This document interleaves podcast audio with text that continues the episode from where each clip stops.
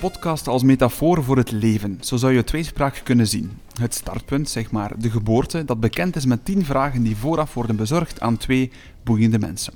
Het vervolg, het eigenlijke leven dus, ligt volledig open en kan alle kanten uit. Hoofdwegen met af en toe een afslag of een omleiding en halt houden voor een rood licht of kruispunt.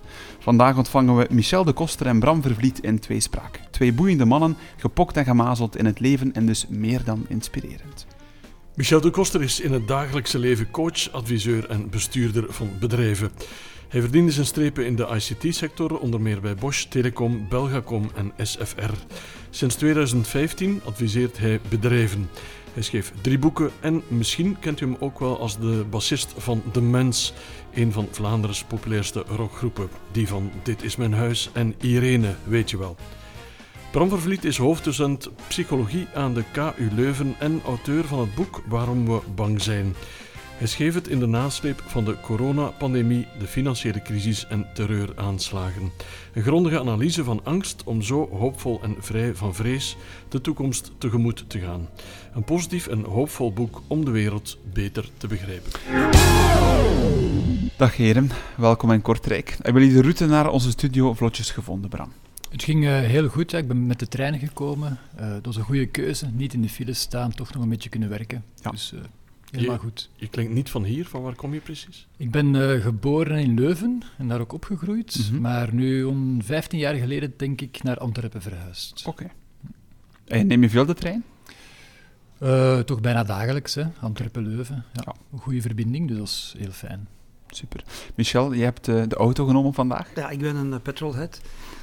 Mijn excuses daarvoor. dat mag. Maar uh, ja, ik, ik, neem niet zoveel uit openbaar vervoer. Ik ben een autofreak en motofreak. Dus ik doe ook veel met de motor om uh, de files te vermijden als ik naar klanten moet. Oké. Okay. Uh, ja.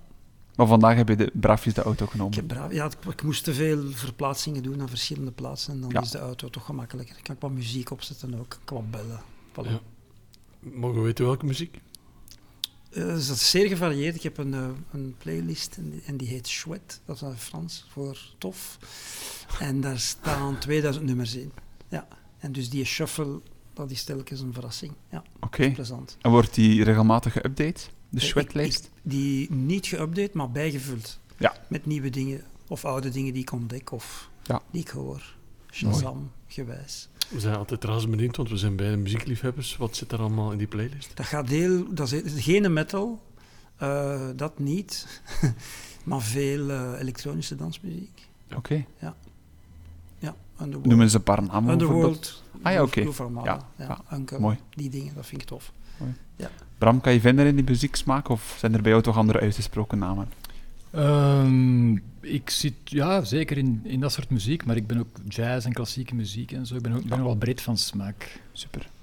Ben je dan iemand die in de trein met de oortjes op zit, of hou je meer van de stilte?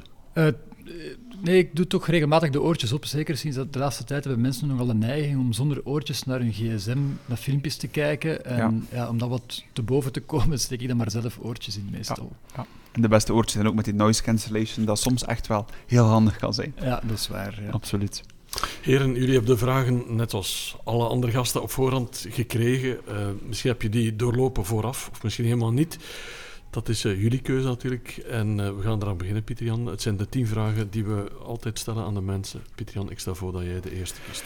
Oeh, oké. Okay, zware taak. Ik zal er gewoon eentje uitpikken. Um, het is de zesde vraag op ons blad en die is als volgt. Wat zou je zeggen aan de 18-jarige ik met wat je nu weet over het leven? Dus stel dat je de 18-jarige ik morgen tegenkomt. Wat zou je hem dan nu op vandaag zeggen met hetgeen dat je al weet uh, over het leven? Bram. Um, toen ik 18 jaar was, woonde ik eigenlijk in Hongarije. Ik was daar op uitwisseling als AFS-student. Okay. En um, dat was in de jaren 94, 95, dus dat was nog niet zo lang na de val van de Berlijnse muur. Mm. Dus dat was nogal een aparte keuze om naar Ginder te trekken. En ik was daar uh, deels omdat ik geïnteresseerd was in het communisme. En hoe dat, dat toen uh, plaats had gevonden en hoe dat, dat dan precies in zijn werk was gegaan. En mm -hmm. niet dat ik daar per se zware aanhanger van was, maar ik was er wel door gefascineerd. Um, en Ja, met mijn vrienden toen, ik moet zeggen dat we wel heel kritisch stonden tegenover de samenleving die we hadden en de veramerikanisering en, en alles wat erbij hoort en zo verder. En uh, heel, heel kritisch ten aanzien van het idee van de vrijheid dat toen gepropageerd werd. Mm -hmm. Ik ben helemaal veranderd daarin. En ik zou nu uh, aan mijn 18-jarige ik willen zeggen van, kijk, we doen het zo slecht nog niet. Nee. Onze samenleving, als je ze bekijkt tussen alle mogelijke samenlevingen waarin je zou kunnen leven, mm -hmm. en als je kijkt naar de geschiedenis op iets mm -hmm. langer termijn, dan doen we het eigenlijk vrij goed. Dat zou ik graag willen zeggen tegen ja. mijn 18-jarige ik. Mhm. Want soms moeten we over het muurtje kijken om te zien of het elders beter of minder goed is. Dat heb jij toen echt gedaan, hè? Ja, ja inderdaad. Heb ik, ik heb daar uh, dus uh, bij een gezin gewoond hè, en dus aan de lijve kunnen ondervinden hoe het leven daar uh, was. De goede zaken en de minder goede zaken.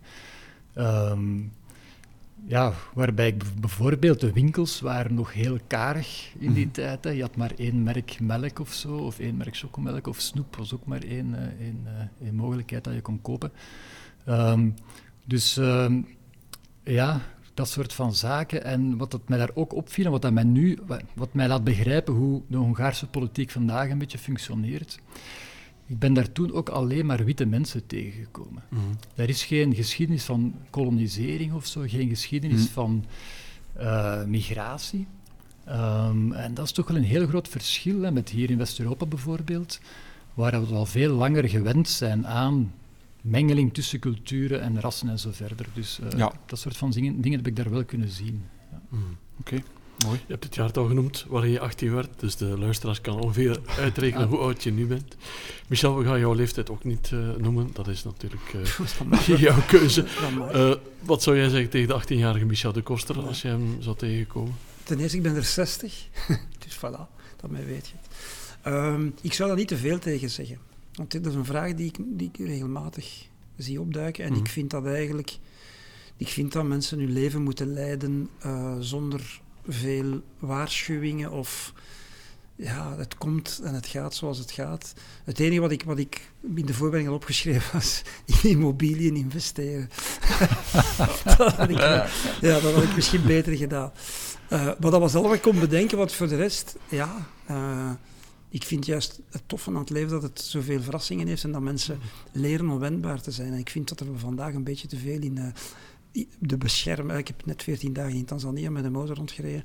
Daar worden de kindjes niet naar school gebracht, hè, als ze naar school gaan. Die mm. stappen op de weg en die, die gaan naar school en die komen s'avonds terug en die stappen 10 kilometer. En hier, ja, dus laat, laat me ons maar een beetje kwetsbaar en wendbaar zijn. Een beetje leven en laten leven. Ik vind dat wel, ja. En als je zo dat op voorhand gaat zeggen, doe dat of dit. Nee, je moet dat zelf allemaal ontdekken. Dus eigenlijk geen, geen goede raad. Buiten de vond ik wel, vond ik wel goed. Maak je daar misschien uit dat op vandaag, jullie zeggen allebei ergens ook een beetje hetzelfde. Je zegt ook van, het is vandaag nog zo slecht niet. Ook het feit van dat er vandaag niet veel, allee, dat eigenlijk moet nemen zoals het is, een beetje het ontdekken van het leven. Nemen we vandaag de maatschappij te veel for granted, van, van het is zo en we volgen het een beetje, Bram? Uh, ik, ik denk dat wel, ja. Ik zie dat toch rondom ja. mij. Ik vind dat er te weinig dankbaarheid is. Ja. Van heel veel mensen. Ik hoor rondom mij, en je ziet het ook in grootschalige vragenlijsten, heel veel pessimisme in westerse landen. Als je, ja. vragen, als je aan mensen vraagt, hoe gaat het met de wereld? Hoe gaat het, naar, hoe gaat het binnen 15 jaar zijn? Denk je dat het beter of slechter gaat gaan? Er is een overgrote meerderheid in West-Europa die zegt dat het slechter gaat gaan. En, uh, mm-hmm. uh, en ja, dat vind ik heel jammer. Uh, dat vind ik echt jammer. En ik denk dat we met wat meer dankbaarheid, dat we daar veel mee zouden zijn. Ja. Ik probeer dat ook te... En, enfin, Bram is natuurlijk de, spe, de, specialist, want hij is de psycholoog, dus hij weet dat. Maar ik denk dat dat veel te maken heeft met zoiets als de Maslow-pyramide. Als we eigenlijk alles hebben wat we hebben, dan beginnen we kunst te kopen en beginnen we te zagen over van alles. En ik denk dat we in die fase in de westerse... in Europa zitten. In Europa, waar we eigenlijk de laatste 15 jaar... Ja, toch redelijk verwend zijn geweest mm. en dat we eigenlijk verwende nesten zijn. En daarom is het goed dat je af en toe eens naar oorden gaat waar mensen het maar niet zo goed hebben, maar eigenlijk wel de hele dag lachen en de hele dag goed gezien zijn. Ja. En al blij zijn dat ze hun appel kunnen verkopen. Is het verlangen een beetje weg? Ja, we hebben, we hebben, we hebben eigenlijk meer dan we nodig hebben. We hebben een broek voor elke dag.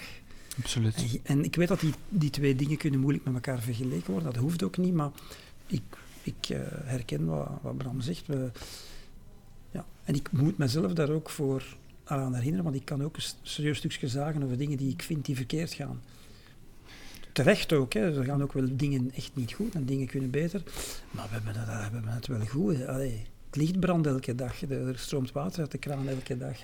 ja, maar, dat is, maar dat is net de grote uitdaging. Ik vind dankbaarheid belangrijk, maar verontwaardiging is ook heel belangrijk. Maar ja. dat zijn namelijk twee gevoelens die heel moeilijk samen te voelen zijn. Ja. Dus je moet daar zo'n beetje in schipperen. Hè. Um, ja, en dat pessimisme, ik denk, uh, onze samenleving is, ge, is gemaakt voor de middenklasse. En die is heel groot, gelukkig, in, in onze samenleving, hier in West-Europa. Um, er is ook wel armoede natuurlijk, en niet iedereen heeft het zo goed. Mm. Dus er is nog, er is nog heel, heel, veel werk aan de winkel. Um, maar ik denk dat de, de vergelijking is een beetje weggevallen, omdat ja. de merendeel van de mensen is middenklasse en de samenleving is gericht op die middenklasse. En that's it. Ja. En dan zie je enkel nog de dingetjes die nog frustrerend zijn of niet zo goed mm. gaan. En je vergeet in wat voor ja, mm. rijstpad met gouden lepeltjes in dat je mag wonen. Ja. In de vorige reeks hadden we het over verontwaardiging en verwondering. En toen stelden we de vraag aan de mensen: wat verwondert jou nog anno 2023? Mogen we die vraag even voorleggen? Ja, wat mij verwondert. Um, dat gaat misschien heel saai overkomen, maar ik, ik, uh, ik, ik word geweldig verwonderd door grafieken, cijfers en data. Schitterend, maar... Ik ben namelijk een professor psychologie. Absoluut. Um, cijfers en data over belangrijke ontwikkelingen in de wereld. Ja. En dus als je, als je de dingen gaat bekijken die er echt toe doen, zoals extreme armoede, kindersterfte, in, in, in Europa sterfte door luchtvervuiling bijvoorbeeld, uh, CO2-uitstoot in Europa, die gaan allemaal de goede richting uit. Soms niet snel genoeg, soms wel, maar als je die grafieken ziet, kan ik er altijd verwonderd over zijn dat we ondanks alles en ondanks alle belangengroepen en ondanks de moeilijkheid van democratische besluitvorming en zo verder, toch eigenlijk heel belangrijke vooruitgang boeken op veel van die vlakken. Peter de Keizer heeft daar een goed boek over geschreven, hè, over optimisme, waarin hij de dingen opsomt die wel goed gaan. En inderdaad, dan, dan zeg je eigenlijk wel, ja. ja. Er is dat denk ik ook, ik weet het niet meer van buiten, maar een, een studie rond geweest. En ik denk een website van, van positiveimpact.com of zo, van heel veel mensen die negatieve nieuws brengen, maar echt een goed nieuwswebsite. Enkel en alleen ah ja, goed nieuws die erop komt, om te zeggen van, het is nog zo slecht niet met de wereld. David Byrne mm -hmm. van Talking Heads heeft mm. ook zo'n nieuwsbureau. Um, Reasons to be Cheerful heet hij. En die maken lange reportages over heel ergens in, in de wereld waar een positieve evolutie is rond uh, fietsenbeleid ja. in New Delhi bijvoorbeeld of zoiets, ik zeg maar. Ja. En waar er daar vooruitgang geboekt wordt, mm -hmm. wat interessant kan zijn voor uh, mensen over de hele wereld. Ja. Die titel heeft hij, by the way, gepikt van Ian Jury. Reasons to be cheerful, dat is een nummer van Ian Jury. Maar van dit even terzijde. Ah, okay. ja. Geweldig. Even stoeven met, muzikale Ian, Ian Jury en de, en de Blockheads. Ja. Uh, Bram vond zijn verandering in grafieken, in cijfers, heel origineel. Waar vind jij die verandering nog? Heel raar. Um, in de natuur. Ja. Dus ik heb met corona, uh, wat, wat, ik vond op vele vlakken een beetje een blessing was, hè, dus een, een zegen, ben ik eigenlijk uh, terug, uh, klinkt heel flauw, maar een beetje in, uh, met de natuur terug in contact gekomen mm. door veel buiten te zitten en buiten te komen. En ja, de pracht van de natuur, van de beestjes en de bomen. En daar kan ik nog echt voor... Ik was dat helemaal uit het oog verloren, 40 jaar. Heb je daar specifieke plekken in gedachten? Dat je zegt van, dat is echt iets dat mij... Ja, wij, wij wonen in een bosrijke omgeving en ik heb gemerkt dat, ja, dat daar er gebeurt altijd van alles. En ik, was dat, ik wist dat gewoon niet meer. Dus ik mm. was dat volledig kwijt. En met corona heb ik dat eigenlijk terug ontdekt en dat gaat niet meer weg. En ik ben daar heel blij mee. Dus ik kan mij verwonderen. Uh, ja, het laatste nieuws gaat mij niet verwonderen. Uh, en trouwens, als ik daar even mag op terugkomen, ik denk dat de media, en dat is, dat is natuurlijk een cliché, maar speelt daar ook een zeer nefaste rol in, hè, in dat negatieve. Mm. Dat, dat, ja, wie, wie is er vandaag, voelt zich vandaag niet goed? Of wie heeft er vandaag een trauma? Oh, dan die. Ja, en, en dat, dat, ja. Dus ik heb me ook voorgenomen om eigenlijk minder op die, in die media te gaan grasduinen. Mm. Ja. Maar dat is, dat is eigenlijk ook een verslaving, denk ik. Mm. Ik denk dat dat iets in de hersenen... Enfin, Bram zal dat wel weten, maar... Het is, het, is, uh, het is een moeilijke kwestie, vind ik. Want ik heb zelf ooit eens een jaar lang geen nieuws meer gevolgd. Omdat ik het beu was om daar ja, bang door te zijn. En eigenlijk omdat ik door dat... Als ik rapporten las van de Wereldgezondheidsorganisatie en van de VN en andere... Uh, instantie dat ik een beter blik kreeg op de wereld dan wat ik dag na dag in de kranten las of, of op televisie zag. En dus ik wou mijn, mijn, mijn blik op de wereld niet meer laten vertroebelen door de media. Uh, en dat hielp wel. Ik werd er minder onrustig door en mijn blik was helderder. Mhm. Maar het nadeel is wel, ik was minder betrokken op de wereld. Ja.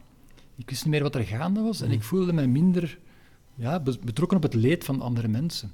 En dus het feit, de reden dat we negatieve dingen in, in, in, in de media lezen altijd, is, is heel sterk gebaseerd op het feit dat we dat erg vinden. En we zijn dus, dus je kan het ook zien als een soort van uitdijende cirkel van empathie of mededogen, dat we nu met mensen in Turkije bijvoorbeeld daar dag in dag uit wel mee bezig zijn, hoe erg dat, dat is voor die mensen. Absoluut. Ehm, dus ja, Ja. het, het kan je bang maken, negatief maken, maar het is ook een bezorgdheid eh, Ja. die eruit komt. Ik bijgeef soms die, allee, die overdreven reacties. Hè, zo iedereen gaat dan een Oekraïense vlag posten op zijn Facebook-profielfoto.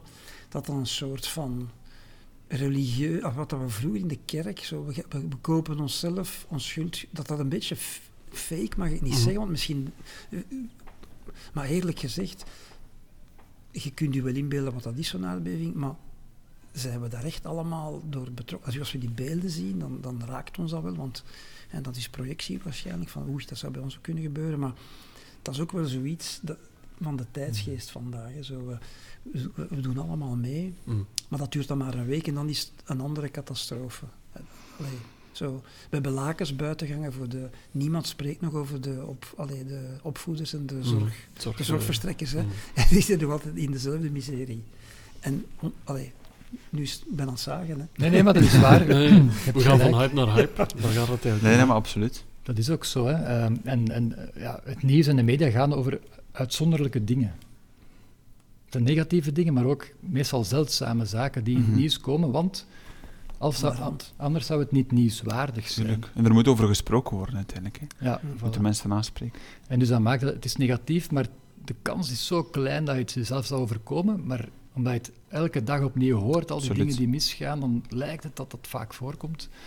Ehm, ik heb eens een TED-talk gezien waarin een presentator of de, de, eh, de spreker zei: If it's in the news, you shouldn't worry. Want dat betekent dat het zo zeldzaam is dat het jou toch nooit gaat overkomen. Ja. Het nieuws gaat over zeldzame zaken. Misschien een idee voor de VRT. Eén keer per nieuws een journaal met enkel en alleen goed nieuws. Zou misschien iets kunnen zijn. En misschien ook nog een dingetje, want soms doen ze dat. Hè. Dus soms wordt er aan het journaal een positief item gekoppeld op het einde. Maar wat is dat dan? Er is een nieuwe puppy geboren in de zoo. Terwijl ik dan denk aan al die grafieken waar ik verwonderd over ben, over die fantastische vooruitgang die we boeken. Ook homorechten in de wereld bijvoorbeeld. Meer en meer landen laten homohuwelijk toe of, of eh, versterken homorechten. Dat is bijna nooit het positieve item in het nieuws. Nee. Ja, voilà. Dat geef ik ook nog even mee. Absoluut, absoluut. Waarvoor dank. Vorige week was er een schaap geboren met zes pootjes, bijvoorbeeld. Ah, dat ja. Dat komt er dan wel in. Dat komt er ook van, hè. Goed, dankjewel. We zijn helemaal opgewarmd. We kunnen naar vraag 2. We zeggen wel eens dat elke mens uniek is, en dat zal wel ook zo zijn. Eh, maar wat maakt jou uniek en dus anders dan iedereen? Michel? Ik, ik vind dat mensen heel voorspelbaar zijn. Dus ik vind mezelf helemaal niet zo uniek. eh, omdat wij eigenlijk allemaal dus een beetje dezelfde patronen hebben van, van, van voeding, van slaap, van, van dingen doen, lezen. En dus ik, eh, wij zijn zeer voorspelbaar. Dus het enige wat misschien wat verschilt is dat ik misschien... Maar ja, dat is natuurlijk zeer aanmatig om dat te zeggen, maar dat, dat ik veel energie heb. Altijd al gehad. Ik weet niet wat ik dat te danken heb. Ik ben misschien in het vat van Obelix gevallen. Dus ik, ik heb veel energie en dat maakt dat ik veel dingen heb kunnen doen en nog Mhm. kan doen. En daar zie ik wel verschillen in eh, tussen mensen die minder energie, gewoon, ja, die om een of andere reden minder energie hebben. En ehm, iets anders ik ben nogal eh, gebrand op mijn onafhankelijkheid. En in het bedrijfsleven heeft me dat al serieus wat centen gekost, want soms eh, is het slimmer om mee te gaan, en, maar ik ben nogal gebrand op mijn onafhankelijkheid. En dus dat vind ik wel iets dat, ja, dat vind ik een rijkdom. En ja, wie ben ik om te zeggen dat andere mensen dat ook moeten doen, maar ja, ik ben niet zo iemand die meehuilt met, eh, met de kudde. Zo. Ik, ik ga er ook graag tegen in. Niet voor, de- niet voor de vorm of zo, voor, de, voor de show, maar gewoon ja, om mening te zeggen. En in het bedrijfsleven is dat iets wat dan niet altijd geapprecieerd wordt. En dan maakt dat je, ja, dat je af en toe eens een andere job moet zoeken. Maar dat is niet erg. Ja. En daarin denk ik dat ik een beetje verschil, maar verder vind ik mezelf eigenlijk heel average. Ja, want je zou bijvoorbeeld ook kunnen zeggen, iemand die CEO is ge- geweest is van bedrijven, die bas speelt bij een van de beste eh, Vlaamse rockgroepen, dat komt ook niet zo veel voor. Nee, en dat is iets dat mij al 30, want we bestaan 30 jaar, we verleden jaar 30, dat is een vraag die ik al 30 jaar mij achtervolgt. Van, hè, hoe, hoe combineer je dat? Hè? Ja, ik heb me die vraag nooit gesteld. Dat is gewoon zo gegroeid. We hebben het altijd zo gedaan. En ik zie daar zelf echt weinig verschillen tussen. Dat, dat is dezelfde persoon. Ehm, het creatieve speelt misschien een, een iets andere rol in de muziek, hè, hopelijk. Uh, maar ik, bij mij lopen die door elkaar door. Maar ik, vind dat, al, ik ben daar wel blij om dat ik dat blijven doen ben. Want op een bepaald moment was het wel. Het is nooit een vraag geweest: ga ik ermee stoppen? Maar het was op een bepaald moment wel echt zwaar. En gelukkig had ik dan die energie. Mm. Maar mensen zeggen: hoe doe je dat toch? Ja, ik was daar niet moe van. Zo. Moet je dan toch niet de knop omdraaien, de Michel van in het bedrijf? Ik kan dat heel goed. En de Michel op het podium? Ik kan dat heel goed. Heb je veel slaap nodig, Michel? Nee. Nee. nee. Wat is niet veel? Ja, dan, mensen overdrijven dat en zeggen, oh, ik heb maar vier uur nodig. Nee, ik, ik heb, met zes uur ben ik, kom, vroeger kwam ik met vijf, zes uur rond, ja. Ja. En nu is dat wat meer, hè. als je wat ouder bent. Maar toch, ik heb min, ja, ik moet geen acht, negen uur slapen. Nee. Ik kan ook een hazenslaapje doen overdag, zo. Dus dat, Ja. dat is wel, dat is, ik slaap goed. Ik heb zo'n uh, een ring, hè, zo'n aura-ring. Mm. En die, elke morgen check ik... Uh, mijn slaapscore. en, uh, en dan begint de dag goed, want meestal uh, is dat eigenlijk goed. Diepe slaap zoveel uur, uh, remslaap zoveel. En uh, ja, dan merken we dat er verschillen bestaan. Dus dat is, ja, dat is, dat is een, een uh, meevaller die ik heb. En dan, ja, dat maakt wel dat je dingen kunt, volgens mij, dat je niet altijd vermoeid door het leven moet. Ja. Mm. Ik blijf het in elk geval een unieke combinatie vinden. Bram, waarin ben jij anders? Waarin ben jij uniek als mens? Wel, als, als uh, psycholoog moet ik eerst Michel bijtreden eigenlijk. We zijn zo voorspelbaar allemaal dat. Het is bijna, een illusie dat we uniek zijn. Hè. In, in, in, uh, in heel veel dingen zijn voorspelbaar. Sociologen zouden mij ook kunnen voorspellen. Als ze zien, ik ben professor, gaan ze al voorspellen dat ik jazz graag hoor en klassiek graag hoor. Dat is gewoon... Ik bedoel, dat lijkt iets van mezelf te zijn, maar ja, dat hoort bij het plaatje gewoon. Um, maar daarnaast denk ik dat ja, iets dat mij kenmerkt is dat ik een brede interesse heb. Uh, wat ik bijvoorbeeld ook in mijn boek heb uh, uh, naar voren gehaald. Dus ik ben enerzijds een liefhebber van harde wetenschap en grafieken en cijfers en data. Maar in mijn boek probeer ik dat, dat te verzoenen met mijn voorliefde ook voor poëzie, opera. Um, Jacques Brel ook, ik ben een grote fan van Jacques Brel. Mm. Dus meer een menselijkheid, uh, een soort menselijke betekenis. En ik probeer in mijn boek te laten zien hoe harde wetenschap toch ook filosofie kan zijn. Uh, die betekenis kan geven aan ons leven. Um, en dat zijn twee uiteenlopende werelden meestal. Meestal heb je oftewel een boek over biologie of, uh, of experimentele psychologie. Dat gaat dan zo heel afgeschermd of heel uh, kraakhelder, netjes gestructureerd. Mm -hmm. En dan heb je ja, wat meer filosofisch, literair, psychoanalytisch bijvoorbeeld. Die is wat meer... Uh, ik zal, dan, ik zal dan snel beginnen zeggen wollig of zo, maar soft, alleszins soft. soft of zo. wat. Ja, ja, ja. Maar ook over waarden gaan en zo. Dus ik heb die proberen wat te verzoenen in mijn boek. Uh, en die net dat een voorbeeld is van de in, brede interesse die ik heb van dingen te gaan verbinden. Ik heb bijvoorbeeld in mijn opleiding psychologie, heb ik eerst psychoanalyse heel sterk bestudeerd. Mm. Uh, pas in mijn laatste jaar ben ik daar helemaal van weggegaan en nu ja. ben ik helemaal de andere kant op gegaan. Maar in de faculteit was dat wel een ding. Bram Vervliet, de psychoanalyse-student die nu helemaal, ik ben helemaal naar Pavlov overgedraaid. Conditionering, uh, wiskundige voorspellingen maken over hoe dat mensen zich gedragen in conditionering en zo. Dus uh, dat viel toen op bij de professoren toen en uh, ja, dat geeft ook aan dat ik die brede interesse heb, denk ik. Dat is ook wel een bocht van 180 graden. Hè? Ja, inderdaad. En, en, maar zoals Michel ook zegt, van, ik vond dat zelf niet raar. Mm. Ik vond het niet raar om die twee dingen samen te kunnen denken en daar mm -hmm. de waarde van inzien en zo. Maar het waren andere mensen rondom mij die dat raar vonden. Ja. Ik, ben, ik ben met veel bedrijven, um, niet geconfronteerd, maar werkzaam in, die met artificial intelligence bezig zijn, NLP en zo. En ik heb een vriend die daar, die daar echt, uh, allee, verschillende mensen die daar echt expert in zijn, die zegt ook, geef mij één week uw mobile phone, uw telefoon, en ik zal u met 95% zekerheid zeggen hoe uw leven eruit ziet omdat dat allemaal vergelijkbare patronen zijn. En dus je kunt daar perfect een algoritme op gaan, gaan zetten. Mm. En die gaat dus...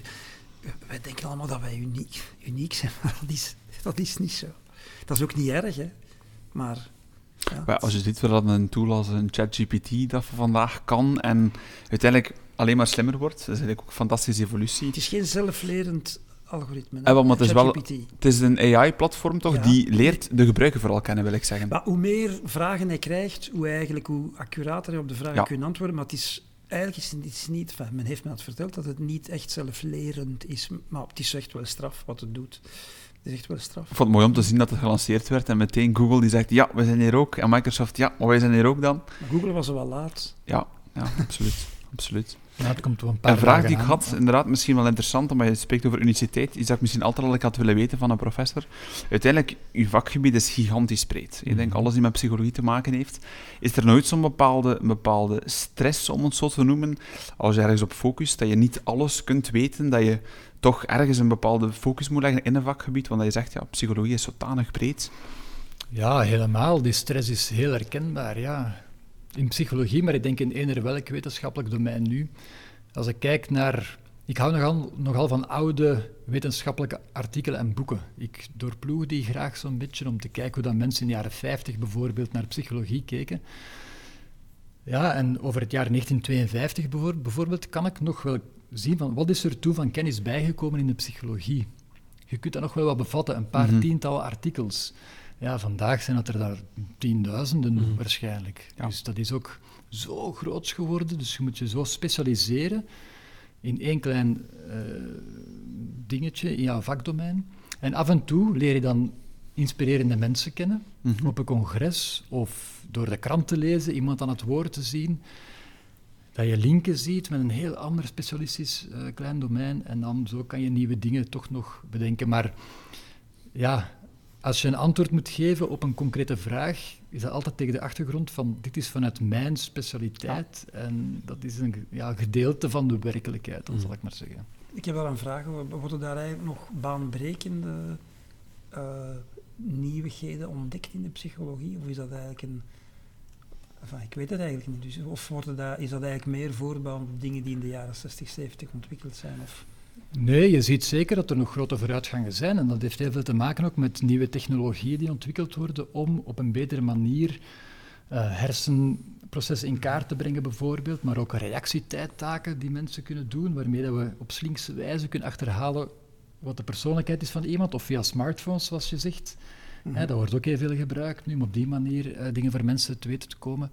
Eh, om te voorspellen wanneer, wanneer iemand zich depressief gaat voelen, wanneer iemand zelfmoordgedachten gaat krijgen en Mhm. zo. Eh, dus in die, en, dat, en dat zijn potentieel levensreddende ontwikkelingen. Dus meer data gebruiken om eigenlijk patronen te gaan ontdekken en dan... Ja, voilà. Daar is het heel sterk op gericht Ja, eh, vandaag de dag. Ja. Mm. Pavlov, dat is een van mijn helden. van, iedereen kent Pavlov. Dat is die van die met die hond. Dat is hè. die, Ja. die met die hond en dat belletje en die conditionering. Die zou ooit gezegd hebben, ik heb het nooit teruggevonden, maar dat is een van die quotes. Hè. Ehm, If you want new ideas, read old books. Dus vandaar, het is leuk, als je de belangrijke vragen wilt achterhalen, die bestaan al honderden jaren. De filosofen hebben die ook al gesteld. Maar met nieuwe technieken om die vragen te beantwoorden, komen op nieuwe antwoorden uit. Mooi. Dat brengt ons eigenlijk tot de volgende vraag. Ik ga een mooi bruggetje maken, misschien wel. Ehm, stel dat jullie allebei één avond naar keuze iemand mogen uitnodigen om met jullie een goed glas wijn te drinken. Wie zou dat dan zijn? Die persoon, voor alle duidelijkheid, mag nog leven, mag dood zijn, maakt op zich niet uit, maar je moet één iemand kiezen waarmee je een glas wijn gaat eh, drinken. Michel. Het moet er één zijn. Ja, Eh, liefst, ja, dat is toch de vraag. ik ga er toch twee kiezen. Iemand die nog leeft, Lance Armstrong. Eh, ja. En eh Ayrton Senna. Twee sportmannen. En Ayrton, omdat dat iemand was die... Ja, ik, ik was nog van die generatie die idolen had. Hè. Dus dat was Mm. mijn idool. Die is ook drie maanden na mijn, na mijn vader gestorven, op mijn verjaardag. 1 mei 94. En dat was mijn held. Ehm, en dat was eigenlijk iemand die... eh, ik ben atheïst, dus ik, ik ben niet, eh, of niet religieus of Mhm. gelovig. Maar dat was iemand waar blijkbaar mensen... Ja, die, die iets sacraals, iets... Ja, dat was God achter het stuur. En uh, een, mooie, ik vond hem een, een, mooie persoon, mooie mens. Niet, niet te vergelijken met de verwende jongetjes van vandaag die in de mm. Formule 1 rondlopen. Um, en Lance Armstrong, wat dat iemand is die zeer controversieel is, uh, maar die mij ja, onge, on, ja, ongemeen boeit als persoonlijkheid en als sportman, als atleet. En natuurlijk heel die dopinglading uh, meesleurt, maar daar op een zeer wendbare manier nu dingen mee gedaan heeft. Heeft, pod, allee, heeft nu ook een podcast mm. en dat is fantastische mm. inside info. Ik hou van wielersport uh, en, mm. dus dat is, dat is ongelooflijk met humor. Um, ja, dus daarmee zou ik wel niet een glas wijn, ik ben niet zo'n wijnliefhebber, maar ik denk dat ik, hij ook gewoon pinten drinkt. gewoon pinten. En uh, dat zou ik wel graag doen, ja. Mm. ja. Is dat natuurlijk controversieel, maakt hem daardoor extra boeiend Ja. en uitdagend? Ja, omdat die, dat is iemand die van, van, de, van de hel naar de hemel en terug van de hemel naar de hel is gegaan. Hè. Die Mm. mens heeft eh, teelbalkanker gehad, die was bijna dood. Hij Mm. met uitzaaiing in de hersenen, die is daar doorgekomen. Dan heel die periode gekend met die, met die zegens. Natuurlijk, we weten hoe dat er kwam, maar Mm. iedereen deed het. Hè. Ook onze Belgische jongens. En dan, eh, en dan terug ja, naar de hel. En nu terug, niet naar de hemel, maar zich toch terug opgewerkt heeft. En Ja. Nog altijd met positivisme door het leven. Ja, ik vind dat, ik vind dat wel van... Daar kijk ik echt naar op, zo die weerbaarheid. Die, die, ja, dat vind ik tof. Wat zou je hem vragen? Aan Lens? Mag hij mag die Ja, voor jou ik, moet hem, ik moet hem weer vragen, did you use? dat, dat heeft dingen dat, gevraagd. weet, dat weet wel. Ja, dat heeft ze al gevraagd. Oprah. Eh, ja, Oprah heeft dat gevraagd. Ja, ik zou het vragen hoe het was met eh Sheryl, Crow. dat zou ik ook wel willen weten. Nee, maar ik, ik zou ja, gewoon een beetje, beetje lachen en, en Mm. zeven. Dat heb ik trouwens nog niet gezegd, maar dat was een paar keer bij, bij het voorbereiden van de vragen terugkomen. Iets wat als een rode draad ook door Mm. mijn eh, bestaan loopt, is ik, ik, ik hou van lachen. En veel mensen, ik kom net ook van Tanzania terug en mensen zeggen dan soms af en toe, zeg, je kunt nog wel eens zeveren de hele dag, maar ik heb dat echt nodig om te zeveren. En zeveren, Mm. dat is Vlaams-Brabants voor lachen en, en onnozel doen. Als je aan het coachen bent, dan zijt je serieus natuurlijk, maar je probeert ook toch met, met humor of met een grap iets, aan het, allee, iets over te brengen. En dat vind ik een heel belangrijke. Dus in dat verschil ik ook een beetje van de modale Wat dan mensen. gezegd. Zeveren met Lance Armstrong, dat moet wel kunnen ja, uiteindelijk. Zo, ja. Ja. In het Engels. Ja. Absoluut. Ik ben Zeveren. ooit één keer naar de start van de Ronde van Vlaanderen geweest, waar Lance Armstrong aan de start stond, zijn enige ronde die hij gereden heeft. En wie was daar ook? Eh Sheryl Crow. Ah, toen, En ja. die man had een ongelooflijk aura over zich. Dat was een figuur op zich. Het is echt een fenomeen. Hè. Het is iemand- ja. ik, heb, ik heb al alle documentaires gezien. Eh, ik draag ook met een zekere fierheid en ook een zekere rebellie het gele bandje. bandje, waar Ja. ik natuurlijk echt, echt ambetante reacties op krijg van dat is gewoon doping. Maar, allee, ja, hij heeft het wel gedaan. Hè. Mhm. Maar dat zijn zo, ja, dat zijn, met, met zo iemand zou ik wel eens een, eh, een avond, eh, ja. Mooi. Kan nog, hè. Het kan nog. Absoluut. Ik heb bellen. Bram, we gaan eens luisteren naar jouw helden. Wie wil jij wel eens uitnodigen voor een goed glas wijn of iets Hm. anders? Ondertussen met Michel natuurlijk. Hè. Dank je, Bram. Wel, ik ook. ja. Maar ik ga terug naar het bruggetje van daar juist. Pavlov, hè. ik heb het al gezegd eigenlijk, een van mijn grote helden, eh, in de wetenschap dan. Ehm wordt wel gezegd dat het een niet zo'n aangenaam persoon was, dus ik weet niet wat een, een leuke avond gaat worden, maar voor mij zou het wel een heel interessante avond zijn. Ja, ik vind dat die man zijn, zijn levenswandel ongelooflijk is geweest. Ehm, hij heeft een Nobelprijs eh, gewonnen voor geneeskunde en fysiologie in 1904. Mhm. Maar dat was voor zijn onderzoek dat hij heeft gedaan voor de conditionering nog. Dus dat was eh, onderzoek naar spijsvertering. Ehm, hij had daar nieuwe technologie ontwikkeld om spijsvertering in actie te kunnen zien en maagsappen te kunnen onderzoeken van honden die net iets hadden opgegeten. En gaandeweg vond hij dat die honden al stappen begonnen aan te maken, speeksel en maagsappen, als er nog maar een proefleider binnenkwam met eten. Mhm. Ik dacht van, ja, maar hoe kan dat eigenlijk? Hij heeft dat beginnen onderzoeken en dan op conditionering uitgekomen. Dat binnenkomen van die proefleider was een signaaltje dat er voedsel ging komen. En hij heeft het dan verbonden aan de eeuwenoude vragen die filosofen hadden opgeworpen. Wat is het menselijke bewustzijn eigenlijk? Hoe gaat dat? Wa- Wat, wat, eh, wat, wat drijft onze gedachten? En zo het concept van de stroom van bewustzijn, eh, wat de filosofen zeiden, van ja, dat heeft eigenlijk weinig te maken met rationele denkvermogens waarin we plannen wat we gaan denken, maar dat zijn eigenlijk vrije associaties. Je denkt van het een naar het ander en dat is zo maar een beetje losjes met elkaar verwikkeld. En Pavlov zei, ah ja, maar die associaties, dat is wat het in hond hier ook leert. Mm. Als er een proefleider binnenkomt en die maakt sappen aan. En dus toen heeft Pavlov een methode ontwikkeld om die sappen van, vanuit de speekselklieren te kunnen tellen via druppeltjes. En zo de vorming van associaties te kunnen uh, onderzoeken. Een venster op hoe het menselijk bewustzijn in elkaar zit. Ja, dat is dus ongelooflijk. Fantastisch. U kan, u kan, het niet zien, maar Bram is helemaal... Uh... into Pavlov. Ja. Helemaal into Pavlov. En ik ben nog niet klaar. Dus er komt nog. Die was, die was toen al 50 jaar, die had al zijn Nobelprijs verdiend met zijn onderzoek naar spijsvertering. Hij is daarna wereldberoemd geworden met zijn conditioneringsonderzoek. Dus eigenlijk is helemaal anders dan zijn Nobelprijsonderzoek. Op zijn 80 heeft hij zijn bureau verhuisd naar een psychiatrisch ziekenhuis, omdat hij wou weten hoe zit het nu eigenlijk bij psychiatrische patiënten met die conditionering. En kan ik iets vinden om patiënten beter te helpen? En heeft hij in de laatste tien jaar van zijn leven nog daar onderzoek gedaan dus hij heeft zo'n omslagen gemaakt in zijn mm. leven, tot op het laatste nippertje verwonderd blijven kijken naar de wereld. Ik denk dat dat een heel boeiende avond wordt, Bram. Ik denk het ook. Wat zijn vragen? Ik heb al veel gehoord, maar is er één specifieke, specifieke vraag die je eruit haalt, dat je hem zou stellen? Um...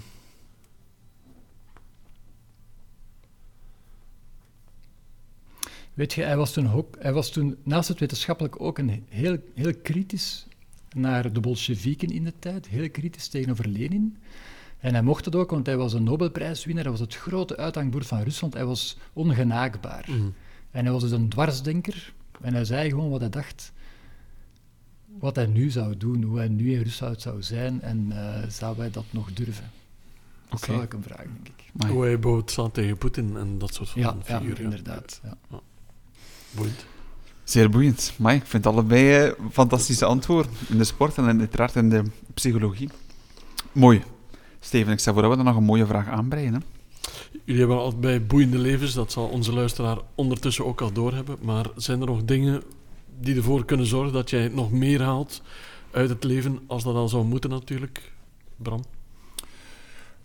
Er zijn niet echt speciaal dingen die ik nog meer zou willen. Ik denk dat ik een, een breed palet heb. Ook met de corona-pandemie was ook een beetje terugbedenken van... Uh, voor mensen zoals wij die chance hebben, denk ik, die in de pandemie weinig zorgen hadden buiten het virus zelf. Um, heb ik mij terug wat meer kunnen op andere dingen focussen. Ik, ben, ik, ik heb pianolessen beginnen nemen, bijvoorbeeld. Uh, en ik speel langer ook bij een Braziliaanse percussiegroep, zo'n zo straatfanfare. Mm um, en dat vind ik wel superleuk om zo mijn eigen ontwikkeling wat breed te houden en plezier ook. Hè. Dus enerzijds wetenschappelijk werk en echt uh, heel serieus bezig zijn met die grafieken en zo. Maar ook daarnaast een beetje de remmen kunnen loslaten en gewoon braderieën gaan opluisteren met samba-muziek en zo dat vind ik wel uh, heel leuk om te doen en dat voel ik, dat is, dat, dat is, dat is echt verrijkend en belangrijk uh, ja. voor mij. Oké, okay, mooi. Michel? Ja, ik, ik, ik heb over die vraag lang nagedacht en ik, ik vond eigenlijk dat ik er al eigenlijk wel veel heb uitgehaald. Um, dat is misschien nog niet aan bod gekomen, want Bram is ook uh, veel jonger dan ik zelf, maar als je inderdaad een bepaalde leeftijd bereikt, dan, begint, dan weet je wel dat gaan...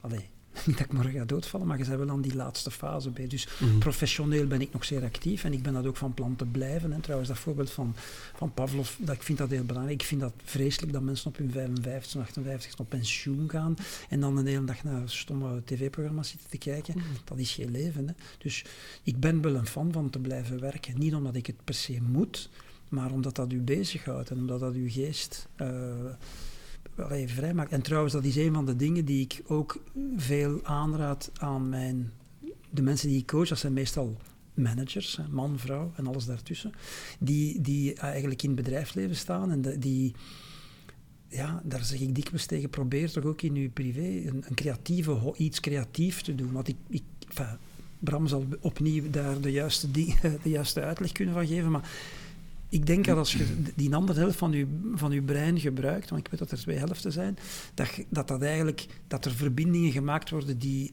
de andere helft ook ten goede komen. En mm. ik wist dat zelf niet, maar dus de muziek heeft dat ook volgens mij wel gebracht, dat je iets creatiever kunt omgaan met dingen, omdat je misschien een, uh, eens in een nummer een brug gemaakt hebt die... En dan in het bedrijf zeg je, ja, maar laten we dat zo proberen. Allee, dat jij zot. Ja, we gaan dat toch zo proberen. Mm. En dan, dan werkt dat.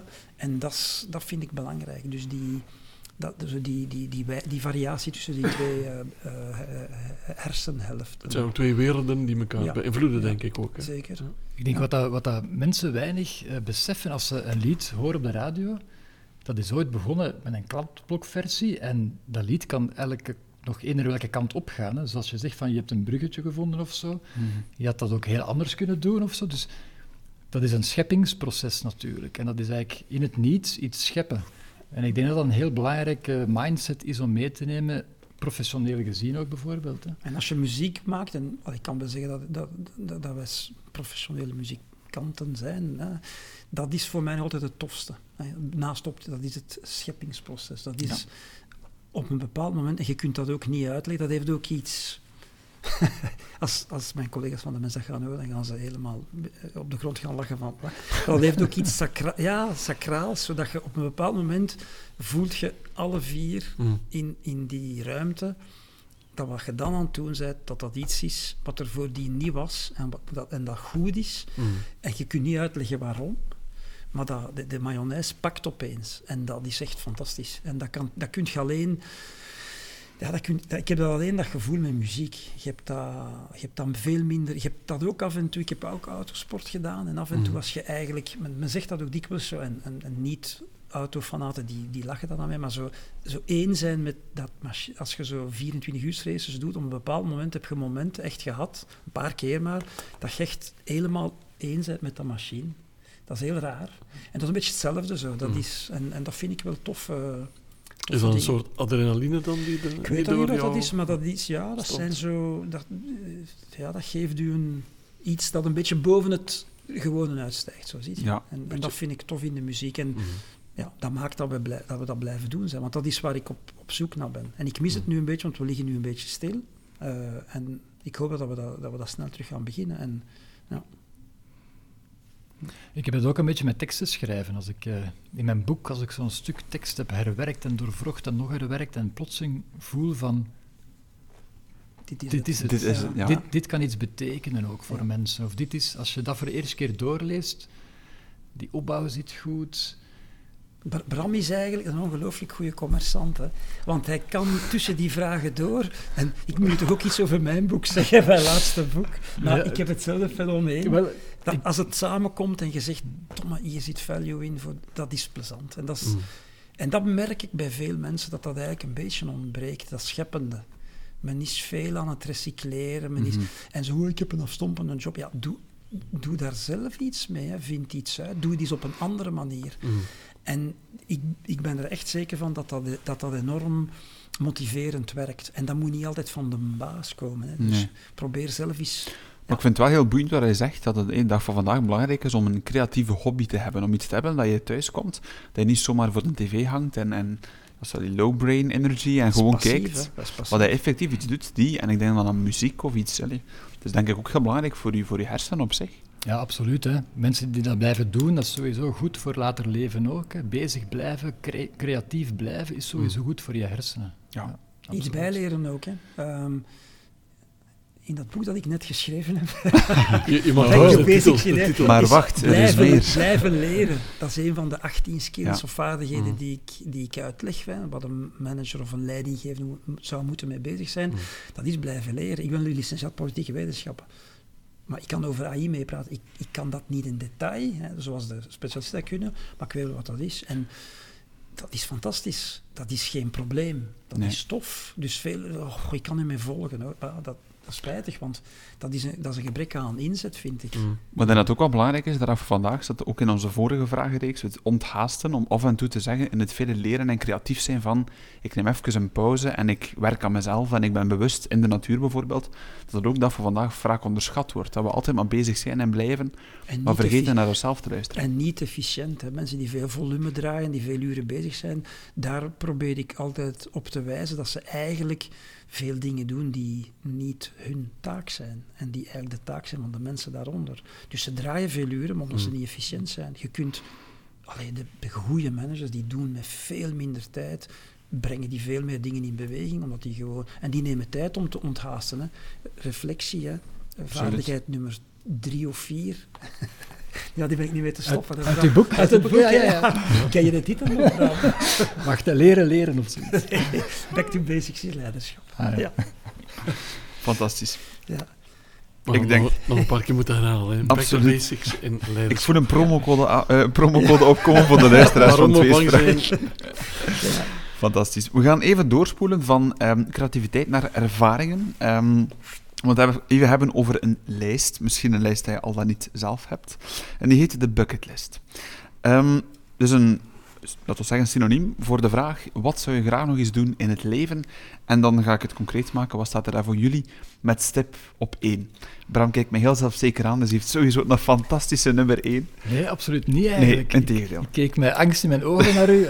Oei. ik, ik, eh, nee, dat is een goede vraag om te stellen, maar dat is weer een vraag die mij doet beseffen dat ik een mooi leven heb, want Ja. eigenlijk eh, heb ik niet echt nog iets nodig of zo om mijn leven vol, vol te maken. Maar als ik nu nadenk over iets wat ik wel, eh, wel erg naar uitkijk om iets te doen wat ik zeker ga doen, en, en eh, Michel zei er eh, voor of tijdens de uitzending al iets over. Bij mij is eh, Afrika een blinde vlek. Ik ben daar nog nooit geweest. Maar ik luister veel naar Afrikaanse muziek ook. Ehm, ik ben eh, geïnteresseerd in de geschiedenis, Congo natuurlijk. Ehm, dus ik zou heel graag eens naar Congo gaan en, en dan ook professioneel gezien misschien samenwerkingen opzetten daar. Ehm, en ik denk dat, ik, dat dat mij goed gaat liggen, Ja, ja maar absoluut. Zwart-Afrika. absoluut. Ehm, en dus, eh voilà, dat is iets dat ik zeker nog wil ervaren om Ja. daar eens geweest te zijn. Ja. Michel, heb jij een bucketlist? En zo ja, wat staat daar op nummer 1? Ik had iets opgeschreven, maar als ik dat nu lees, vind ik dat zo ridicuul. dat ik eigenlijk zeg, hoe kan ik... Ja, ik had geschreven, sportbestuurder worden in een wielerploeg. hoe stom. Eh, ja, eigenlijk, eigenlijk nee. Ik heb... Nee, ik, ben eigenlijk ook redelijk tevreden met de dingen. Zo'n bucketlist, ja. Mijn vrouw wil volgend jaar de Kilimanjaro beklimmen. Hmm. Of bestappen, want dat is niet echt klimmen. Ehm, ja, dus ik denk dat we dat gaan doen. Maar ja, bucketlist, dat is ook iets van de rijke, alleen van de rijke landen. Hè. Zo, wow, ik, wil nog, ik wil Thailand nog eens doen. Of, ja, wat is dat dan eigenlijk? Mm. Dat gaan rond, allee, in die rijstvelden gaan rondploegen. Mm. Je zou het ook anders kunnen stellen en verwoorden als welke dromen heb je nog? Dat is misschien goh, iets anders. ik heb net met twee companen nog een bedrijf opgericht. En dat is mijn droom dat dat toch iets succesvol wordt. Ehm, dat is één ding. En verder, ja, ik word dit jaar eh, opa. Proficiat. En dat is toch wel, eh, oh ja, dat is toch ook weer een magisch moment. Eh, ja, waar ik toch zeer ontroerd door was toen, dat, het- toen ik dat hoorde.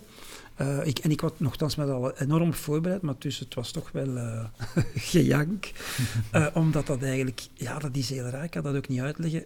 Bram gaat dat zeker kunnen uitleggen, maar dat is, heeft te maken met overleven. Allee, dat is precies iets dat in uw, in uw hersenen dan iets teweeg brengt van er is voortzetting zo. Dat is, allee, dat heb, ik heb dat echt zo gevoeld. Hè. Dat is echt raar. Ik kan dat niet uitleggen. Maar eh, ja, dat vind ik tof. En want kinderen krijgen en hebben en opvoeden, en, en dat, is, ja, dat is toch wel het mooiste wat er is. Mm. En dat mijn, mijn zoon, mijn jongste, dat nu gaat doen, dat vind, dat vind ik fantastisch. Eh, en ja, daaraan, daaraan meewerken en bijdragen, dat, dat, dat vind, daar zie ik echt wel naar uit. Dus dat staat misschien wel op mijn bucketlist. Dat er nog meer komt. Ik hoop dat ook dat het een tweeling is. ja. Maar sportbestuurder in een wielerploeg lijkt ja, me ook dat wel leuk. Ja, ja, vooral voor het reizen. Hè. Zo, dan kunnen we met die ploeg mee. Ehm, dan kunnen we die successen vieren. Dat, dat toch, ja, zo Bjorn Ries, dat vond ik toch wel een, eh, een heel allee, inspirerende sportbestuurder. Mm. Ehm, en zo met, dat, met die jonge, jonge gasten, ehm, dat, ja, die begeleiden. Hè. En dat team aansturen, want zonder experts zijn maar eerder de manager, allee, de, de leidinggevende van het team. Hè. Zoals Patrick Lefevre, je kunt er veel kritiek op hebben, maar ja, die, de man doet, die, ja, dat is wel elk jaar succesvol. Dus dat vind ik wel een mooie job zo. Met sport, iets met sport. Mm. Ja. Maar toch liefst in het wielrennen, hoor ik. Ja, maar ik, het seizoen begint nu, hè, dus ik... ik Kriebelt ja, al. ja, absoluut. Dat is echt niet uit te leggen, hè, maar ja. Ik kan daar uren naar kijken. En mijn vrienden die allemaal voetbalfans zijn, die, waar ik niet naar kan kijken, uh, maar die zeggen ook maar, hey, dat is, die zit gewoon op je fiets en, en die zit daar te trappen. En ja, maar je verstaat er niks van. Net zoals ik niks van voetbal versta. Ja. En ben je dan iemand die urenlang de ja. wedstrijden volgt voor televisie en zo? En soms nog eens opnieuw bekijkt. Oela. Okay. En dan soms bijna hopen dat het anders gaat verlopen. Alleen je ziet daar dat we moeten, daar, ju, ju. Ja, daar kan ik echt uren naar kijken. En, uh, maar tv niet ter plaatse, want daar, daar ziet je echt niks. Mm, uh, ja. dat, dat vind ik ook niet zo fijn als veel, Mm, want iedereen ja. begint daar te drinken en dat vind ik niet zo tof. Um, maar, maar thuis, met een goede sigaar, Mhm. uh, dat is echt een fantastische namiddag. Ja. Het veldritseizoen was ook van een niveau iets ongelooflijk. Mhm. Ik zie dat graag. Ja. Want we hadden ooit een, iemand te gast die zei van, het is vooral de heroïek uh, die mij aanspreekt. De, uh, de oude Flandriëns die als het ware op een fiets terugkruipen. Ik fiets ook zelf een beetje. Hè, een beetje.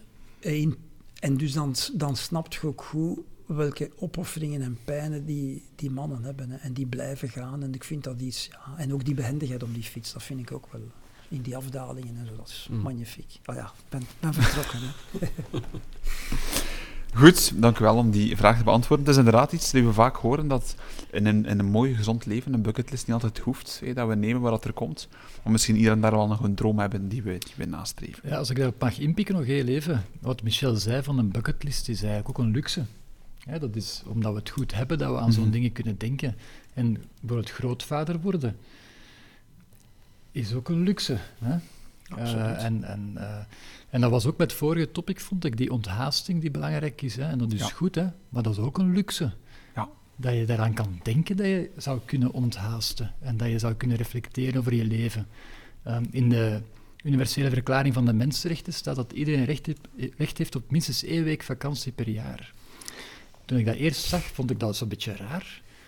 Maar ik snap het eigenlijk wel, dat je toch een week per jaar in, aan, aan één stuk of hier en daar een dag even kunt terugvallen, onthaasten en een beetje kunt reflecteren over je leven. Dat is iets om na te streven, dat iedereen dat zou moeten kunnen doen. Ja. Um, voilà. Nee, maar een mooie aanvulling, absoluut. Om nog maar eens om te zeggen hoe goed we het dag vandaag wel niet hebben. Niet waar, Steven? Absoluut, we hebben het allemaal heel goed, maar toch kan de wereld altijd beter. Dat is een feit. Uh, soms zijn er wat dingen die wat vierkant draaien in de wereld. Hoe probeer jij op jouw eigen, kleine wereld of in jouw kleine wereld de wereld te verbeteren? Is de eerste vraag die we de gasten altijd voorleggen. Michel, mogen we eens bij jou beginnen? Ja, ten eerste, ik heb erop geschreven alsof ik dat zou kunnen. Niet dus. Hè.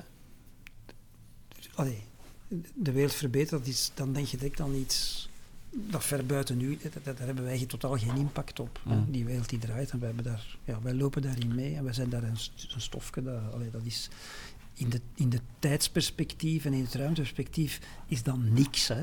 Dus dat is zo voorbij. Dus ik probeer mij op family en friends te focussen. En daar een betere uh, ja, vriend en familielid te zijn dan, dan ik dat in het verleden geweest ben vanwege uh, professionele activiteiten. Mm. Waarmee ik niet wil zeggen dat ik mensen verwaarloosd heb, maar toch af en toe was ik er volgens mij ook niet echt wanneer ik er zou moeten geweest zijn. Dus dat probeer ik te doen. Uh, en verder heb ik vastgesteld dat meningen van mensen dat die muur vastzitten. Uh, en ik heb daar eigenlijk vijf jaar lang, de, heb ik wel veel zitten zeuren. Allee, en je slaagt daar gewoon niet in. Dat, dat lukt gewoon niet, dus ben ik daar ook mee gestopt.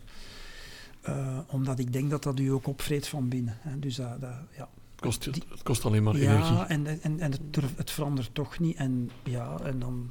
Dus dat, dat probeer, daar ben ik wel veel mee bezig, omdat daar veel energie naartoe gaat. Mm. Ik ben nogal een mijmeraar. Hè. Ben iemand die veel... De geest staat nooit stil.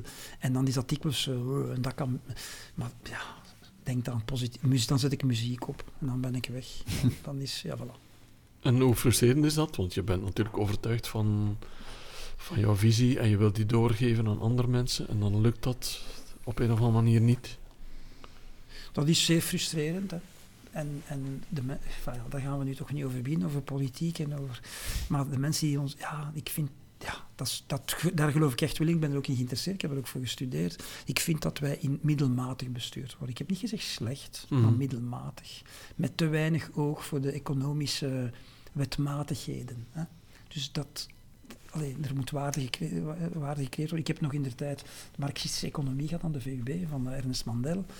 Dus de meerwaardetheorie en zo, die dingen, dat is allemaal heel interessant. Maar we zitten nu vandaag in een, in een, in een kapitalistisch systeem, hè, dat, waar waarde wordt gecreëerd en hergeïnvesteerd en dan herverdeeld hè, voor, hè, voor infrastructuur en voor Mm. scholen en onderwijs en die dingen. En ja, die balans is een beetje uit... Dat is, we zijn uit, uit balans. Hè. En, en in het oude Europa krijgen we dat maar niet beter. Dus het wordt... eh, En dat, dat baart mij wel zorgen. Niet voor mezelf, want ik ben voorbij die fase voorbij. Mhm. Hè. En ik ga ook een schamel pensioen te krijgen. Maar voor mijn kinderen en voor mijn kleinkind. En wat bedoel je uit balans? Ja, dat we, dat we te weinig mensen actief hebben. En dat Mhm. we, ja, dat we, dat- dat- allee, de- Macron probeert in Frankrijk de, de pensioengerechtigde leeftijd van, ik denk van 61 naar 63 te krijgen of zoiets. Het, land gaat weer plat liggen. Mm. Terwijl ik vrees dat er niets anders zal op zitten dan toch langer te werken. Omdat we gewoon... Mensen blijven langer leven. Dus de gezondheidszorg kost meer geld. Mm. De overheid is ook een ongelooflijke moloch geworden met allemaal geledingen. Hè. En dat kost allemaal geld. En dat wordt alleen maar betaald door, door waarde. Dat is de economie. Ik heb dat ook niet uitgevonden. Dat zit zo in elkaar. Mm. En die balans, die, die baart mij wel zorgen. Dus dat is wel iets wat ik dan... Maar daar heb ik tot, wij, hebben daar als, wij hebben daar geen, totaal geen impact op. Hè. Allee, wat, wat, mogen wij doen om de vier jaar zo'n molken gaan Mm. zwart maken? En, dan, en daar ben ik wel bezorgd over. Mm. En als ik dan, eh Bram zijn punt, zo- zo'n week of tien dagen Afrika, liefst beneden de evenaar, dat is ongelooflijk louterend, want dan, daar is totale chaos. Ik hou daarvan. In het verkeer ook. Hè. Voilà. Dat, dat, maar je went daar heel snel aan. De survival of the fittest. Die mensen die, ja, die komen de dag door met honderdduizend keer minder dan wij, maar die lachen, die zijn goed gezind. Daar is, daar is weinig geweld, daar is weinig, ehm, ja, dat is, en dat is wel tof om te zien dat het ook anders kan. Je komt dan natuurlijk terug met goede voornemens, Mm. die je na drie dagen al volledig weer kwijt bent. Maar dat vind ik wel tof, om, om, om die dingen te gaan bekijken. Dus ik kan het zeker aanraden, Bram, om daar eens naartoe te gaan en ja, daar een beetje eh, inspiratie op te doen. Om, Een beetje een wake-up call voor jezelf dan. eh. ja, om, om te snappen dat we het inderdaad. Ik heb, ik heb daar echt beseft dat opnieuw, weer, hè, want ik ben er al een paar keer geweest, dat we het eigenlijk, ja, dat we ongelooflijk bevoorrecht zijn hier. hè. Mhm. Ongelooflijk bevoorrecht. hè. Ja. En je ziet daar ongelooflijk veel kinderen ook, die gaan allemaal naar hier komen. Hè. Mhm. Die, gaan, die gaan naar boven komen. Hè. Want die gaan door het internet, door, door democratisering, door het onderwijs. Want hè, ze gaan toch veelal naar het onderwijs nu. Dus Mhm. de kindjes gaan toch. We hebben er ook gezien die, die de schapen aan het hoeden waren. Maar we hebben er ook gezien die in hun klein uniformje naar school stapten naast de weg. Zeer lief. Eh, ja, die gaan op een bepaald moment wel hoop krijgen. Die gaan zeggen: "Pff, Ik ga hier mijn leven, niet- ik, ik, ik ga het opzoeken. Hè. En dus we moeten daar wel oplossingen voor Mhm. vinden. En dat is ook goed, want we hebben, we hebben werkkrachten tekort. Ja, ja, ze gaan daar denk ik ook. Afrika gaat zijn, eh, eh, de 60s beleven. Hè? Ja. Een hele jonge generatie die ook niet meer akkoord gaat gaan met de, met de regimes die er zijn, met hoe de ouderen de samenleving regelen. Dus ik denk dat er van binnenuit ook revoluties kunnen ontstaan voor het beheren van Afrika op een andere manier. Als gevolg van het aanstormend eh, jong geweld daar ook. Ja, het, enige het enige negatief dat ik gemerkt heb, je ziet er heel weinig, maar je, je weet het wel, de Chinezen hè, zijn daar dus in ruil voor bepaalde voorrechten, zijn daar dus wel heel veel wegen aan het aanleggen, de infrastructuur aan het verbeteren. En dat is goed, hè, want dan hoeven die mensen niet altijd via stoffige paden naar, naar, naar school te gaan. Maar dat, ja, de Chinezen is nu ook niet precies de... Daar, wat gaan zij met Afrika? Gaan ze dat verder democratiseren? Gaan ze dat, ik denk dat ze alleen geïnteresseerd zijn in de grondstoffen.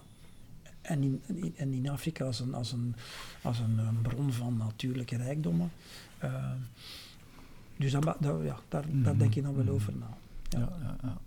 Bram, we gaan de vraag ook eens aan jou voorleggen. Uh, iedereen verlegt stenen in de rivier, zei Bram Vermeulen. Hoe probeer jij de wereld te verbeteren? Um, inderdaad, niet zo'n gemakkelijke vraag, maar ik, ik geloof nogal in politieke actie. Uh, voor uh, Uh, beleid tegen klimaatopwarming bijvoorbeeld, probeer ik er altijd bij te zijn op straat. Met de jongeren marsen uh, was ik er ook heel vaak bij in Antwerpen, in Leuven. dus dat vind ik heel belangrijk om op die manier toch je stem te mhm. laten horen en het beleid, het vuur aan de schenen te leggen en te laten weer klinken wat we willen eigenlijk. Um, en ik vind politieke actie belangrijker dan individuele gedragsverandering. Ik denk als we uh, het klimaat minder willen laten opwarmen, gaat het vanuit het beleid moeten komen uh, en niet van nu een douche een graadje lager te stellen of zo. Hoewel ik dat wel goed vind, ik eet bijvoorbeeld zelf geen rood vlees meer sinds een jaar, omdat er te veel CO2-uitstoot mee gepaard gaat. Dat is natuurlijk wel individuele gedragsverandering. Mm. Ehm, maar wat ik wel merk is dat dat wel een, een, gespreksthema dan wordt. Als ik ga eten bij iemand, dan komt het natuurlijk aan bod. En dan op die manier breidt dat wel een beetje uit. Ah, wel, Bram. ja. Moet je geen stek hebben? ja, ik eet die dan op. dan ben ik blij. Ja. Wel, uh, rond. Lekker met peper. Ja. En maak jij jouw studenten daarvan ook bewust? Of, of zeg jij, ik probeer die werelden te scheren. Nee, ik spreek daar wel een beetje over. Zo. Ja, niet heel veel natuurlijk, want eh, het sluit niet helemaal aan bij mijn leerstof dat ik geef, maar toch, ja, um, um, ja ik zeg daar zeker ook iets over. En ook een beetje um, besef van geschiedenis. Hè. Ik bedoel, fossiele brandstoffen hebben ons ongelooflijk veel gegeven. Hè. Ik bedoel, we zouden hier allemaal niet zo zitten zonder olie. Mm. Sterker nog, en dat zei ik dan wel tegen de studenten, zonder olie zouden jullie hier niet kunnen zitten om in deze aula les te komen volgen om, en om mee oplossingen te bedenken voor een koolstofvrije samenleving te ontwikkelen. dat komt allemaal doordat die fossiele brandstoffen er waren. Er waren. Mhm. Het heeft zoveel uh, rijkdom gecreëerd dat we kunnen studeren, kunnen uh, al die zaken. Is het ook niet net veel makkelijker om zo'n onderwerpen aan te brengen, omdat iedereen er ook individueel veel meer mee bezig is? Het feit van geen rood vlees te eten voor CO2, de dag van vandaag op zich, misschien veel aanvaardbaarder dan tien jaar geleden. Ja, de studenten ervaren dat zelf dus, ook op die manier. Ja, ja, dat denk ik zeker wel. Ja, ik heb daar nooit uh, iemand die zich daar tegenin uh, opwerpt of zo. Dus dat is inderdaad... Uh, als ik zeg van we hebben veel te danken aan fossiele brandstoffen, dan hoor ik wel dat het helemaal stilvalt in de aula. Wat gaat hij nu zeggen? Ja. Um, dus dan merk ik wel, dus veel aandacht voor. Als ik, als ik dat thema aansnijd, dan is er veel aandacht voor. De vraag is natuurlijk altijd of, of uh, universiteitsstudenten en, en enfin, de, de middenklasse waartoe wij behoren en die verder gestudeerd hebben of die verder studeren, dat die eigenlijk, uh, hoe zeggen ze dat, um, voor de maatschappij zijn geheel. Allee, dat, dat leeft meer dan vroeger, maar dat leeft natuurlijk ook in een bepaalde segment, segment van, van de maatschappij. Hè. Ja, uh, ja maar dat wordt wel groter, denk ik. Hè? Dat breidt wel uit. Um, dus ik denk voor de middenklasse is heel groot in onze samenleving. Dus, En het beleid is gemaakt voor de middenklasse. Ja. Deze ik vind dat wel, dat is wel goed wat Bram zegt, en daar heeft hij mij gelijk in. Um, dat het niet vanuit het individuele, het moet vanuit het beleid komen. Natuurlijk, je weet ook, beleid vandaag, je kunt in, je kunt in Europa, ik zal het bij uitbreiding Europa noemen, je, je kunt heel weinig beleid voeren, of er is altijd wel iemand die uh, dan een VZ2 opricht of naar de Raad van Allee, dat is, ja, belangen, is niet gemakkelijk. Mm -hmm. Maar bon, het zal, het zal wel blijvend nodig mhm. zijn om daar aandacht aan te besteden. Mm -hmm. Maar ik kan bijvoorbeeld gelukkig worden als von der Leyen de Green Deal voorstelt. Het Man on the Moon moment van Europa. Ik vond dat fantastisch. Ik zat voor het tv-scherm en ik dacht, yes, this is it. ik geloof er ook echt in. Ik denk van Europa uh, loopt vooruit. In... En dat Mathieu Michel dat ook dat papier mocht vasthouden. Ja. dat was ook wel een heel grappig moment. Ja. ja inderdaad. Hij mocht ook bij op de foto. Ja, ja. Het middelmatig beleid, zoals Michel het noemde. Ja, is... Er, er, zit, er zitten veel uh, waarheden in hetgeen Bram vertelt. meer dan in de mijne waarschijnlijk. Maar je moet natuurlijk druk blijven uitoefenen. Mm het is, daarom heb ik het ook bewust middelmatig genoemd. Ik heb niet gezegd slecht, ik heb gezegd mm. middelmatig. Hè. Maar wij betalen die mensen wel, dat, wij kiezen die, wij betalen die. Absoluut. Royaal. Hè. Politieke partijen in België zijn zeer rijk. Kunnen zich als CEO's veroorloven, heb ik vandaag geleerd. Um, ja, dan verwacht je toch ook wel, uh, als wij in een bedrijf dan verwachten wij, de aandeelhouders wel dat wij value brengen en dat wij de mensen te werk stellen en dat wij groeien ik vind dat, dat we daar wel iets kritischer mogen op worden, op dat beleid. En eh, alle excuses zijn goed. Ja, maar het is moeilijk. En waarom- dat interesseert mij niet. Je hebt ervoor gekozen. It's your job. Do something about it. In het bedrijfsleven moet je niet met te veel excuses afkomen. Hè. Nee. Je, je kunt je ook aan de NIF met problemen geconfronteerd worden. En dan zegt je rector ook, eh, Bram, eh, los het op, Mhm. bijvoorbeeld. Mhm. Ja, ja. Ik kan ook zelf in de politiek stappen. Dat is mij vele malen eh, gesuggereerd. Ehm, maar ik heb ooit heel wijze raad gekregen van een persoon die eh, in de toenmalige CD&V, eh, de- die mij zei, doe dat niet. Want je gaat daar heel onge- daar, daar is niks rationeel. En jij bent een rationele mens. Mhm. Dat is allemaal... Dat, dat, heeft, dat is een wereld die je niet kent en je gaat daar heel ongelukkig in worden. Het is ook een hondenstiel, hè, Mm. denk ik. Het, je moet het niet willen. Hè. Dat Maar denk ja, ik ook. Je kiest ervoor Mm. en dan vind ik dat je toch een zekere kwaliteit mocht verwachten. Om de kwaliteit te waarborgen, moet ik natuurlijk een beetje de tijd in de gaten Absoluut. houden. En we hebben nog tijd voor één vraag, Steven. We hebben er eh, vier nog niet gesteld. Ehm nu overvalt niet mij wel een beetje. Michel, jij hebt daar de vragen voor jou. Ja, Kies er eens eentje uit die we nog niet gesteld hebben. Leuk. eh, bum, eh, mijn wat ik krijg nooit nog meer, hè. We hebben er vier nog niet gesteld. Waarom ben je echt trots? Van wie krijg je nooit genoeg? Stel dat je morgen de resetknop mag induwen. Of, hoe ziet jouw perfecte dag eruit? Ah, die perfecte dag, dat vond ik wel een goeie. Daar kon ik veel over Dan gaan opschrijven. we, dan gaan we Ja, daarmee voilà. Ik heb een onderscheid gemaakt tussen, eh, tussen werkdag en tussen een vrije dag. Mhm. Dat loopt als zelfstandige een beetje in elkaar door, maar toch, hè, een normale weekdag is ehm, zeven uur opstaan, eh, de verplichte tas koffie. Ik doe aan intermittent fasting, dus ik, eh, ik eet 's morgens niet. Eh, maar die koffie, ik lees de tijd elke morgen. Ehm, ja, omdat ik graag mee ben wat er op economisch vlak, een beetje en sociaal-economisch vlak gebeurt. Ik vind dat ook nodig als, als, je, met de, als je doet wat ik doe in het eh, bedrijfsleven, dat je dat moet kennen. Eh, een beetje overleggen met, eh, met de vrouw en de, en, en de dochter die nog thuis is. Mhm. De twee zonen die zijn het huis uit. En dan met de motto naar de klant, moment van vrijheid. Dat is, dat, dat is een gevoel trouwens dat ik nog altijd heb. Als ik op die motto zit en ik vertrek, die, dat gevoel van snelheid, en Mhm. dat is iets van vrijheid dat bij mij dat associeert. En dan, dan word ik instant gelukkig. Dus dat vind ik een tof moment. Dus ik, ik bel niet. eh, dat is wel een beetje gevaarlijk. Dan een fijn gesprek met waarde. Hè, met, met een coachie. Iemand die zegt... Ik vraag altijd op het eind van het gesprek, heb je er wat aan gehad? En als die persoon zegt, ja, ik heb er wat aan gehad, ik heb twee, die dingen en dat ga ik doen. Hè. Dat doet plezier. Dan een lichte, lekkere lunch, heb ik genoteerd. Namiddag terugwerken, maar vroeg thuis, vooral in de zomer, fietskleren aan en twee uur de bossen in. Dat vind ik tof. Om dan helemaal ja, te gaan mijmeren. Een douche en dan dinner met mijn twee vrouwen. Netflix, mijn sigaar. En de hele dag muziek. En ik moet gelachen hebben, dat heb ik opgeschreven. En het verschil met de vrijdag is, vervang het werk door sport. Een beetje taffelen aan mijn rollend materiaal. Dus ik heb gezegd, ik ben een petrolhead, dus ik heb wel een aantal voertuigen thuis waar ik graag wat aan taffel. Eh basgitaar spelen. ehm, en rep- repetitie, dat is, dat, dat is ook wel leuk met de jongens. En lachen en zeveren en doen. En oude eh indianenverhalen ophalen. En creatief bezig zijn. Zo ziet mijn ideale dag eruit. Dus je ziet niks speciaal eigenlijk. hè. Alhoewel. We gaan eens naar jou luisteren, Bram. Ja, eh, dat was heel goed gevuld, eh, die, die eh, eh, perfecte dag. Waar ik aan denk als ik aan, aan, aan een werkdag denk, of zelfs een weekenddag, ik ben graag eh, in de stad. Ehm, en dus ook voor mijn werk bijvoorbeeld. Ik, ik, ik hou er niet van om van op mijn kantoor te zitten, hoewel ik eigenlijk wel een mooi kantoor heb en zo verder. Ik werk heel graag op café.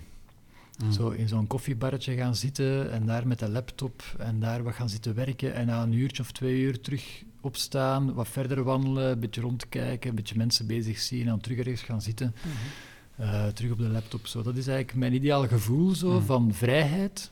Ehm, dus bij mij is dat geen motto, maar is dat dus een beetje door de stad eh, slenteren echt. Mhm. De mensen wel zien en daar een beetje in verdwijnen, zo mijn eigen plekje even in creëren. De third place wordt dat soms genoemd. Zo. Je hebt je, je thuisplek, je werkplek en dan zo... zo In between. vage, ja. Ja.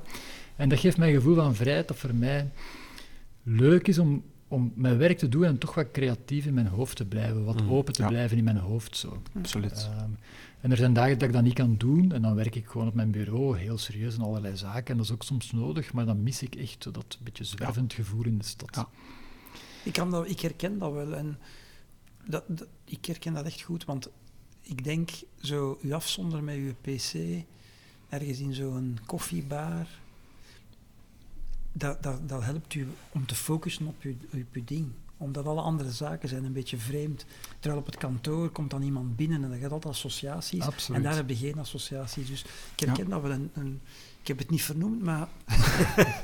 Het zou ook maar deel kunnen Ja, zijn van jouw dag. absoluut, absoluut. Voilà. En ben je dan iemand die mensen observeert en het gedrag eh, bestudeert op dat moment? Ik ben wel psycholoog, maar dat doe ik eigenlijk niet zoveel. Ik ben daar niet... Ik, ik, ik kan wel kijken naar mensen, maar meer mijmerend en een beetje meer om mijn gedachten ja, om een beetje te verstrooien.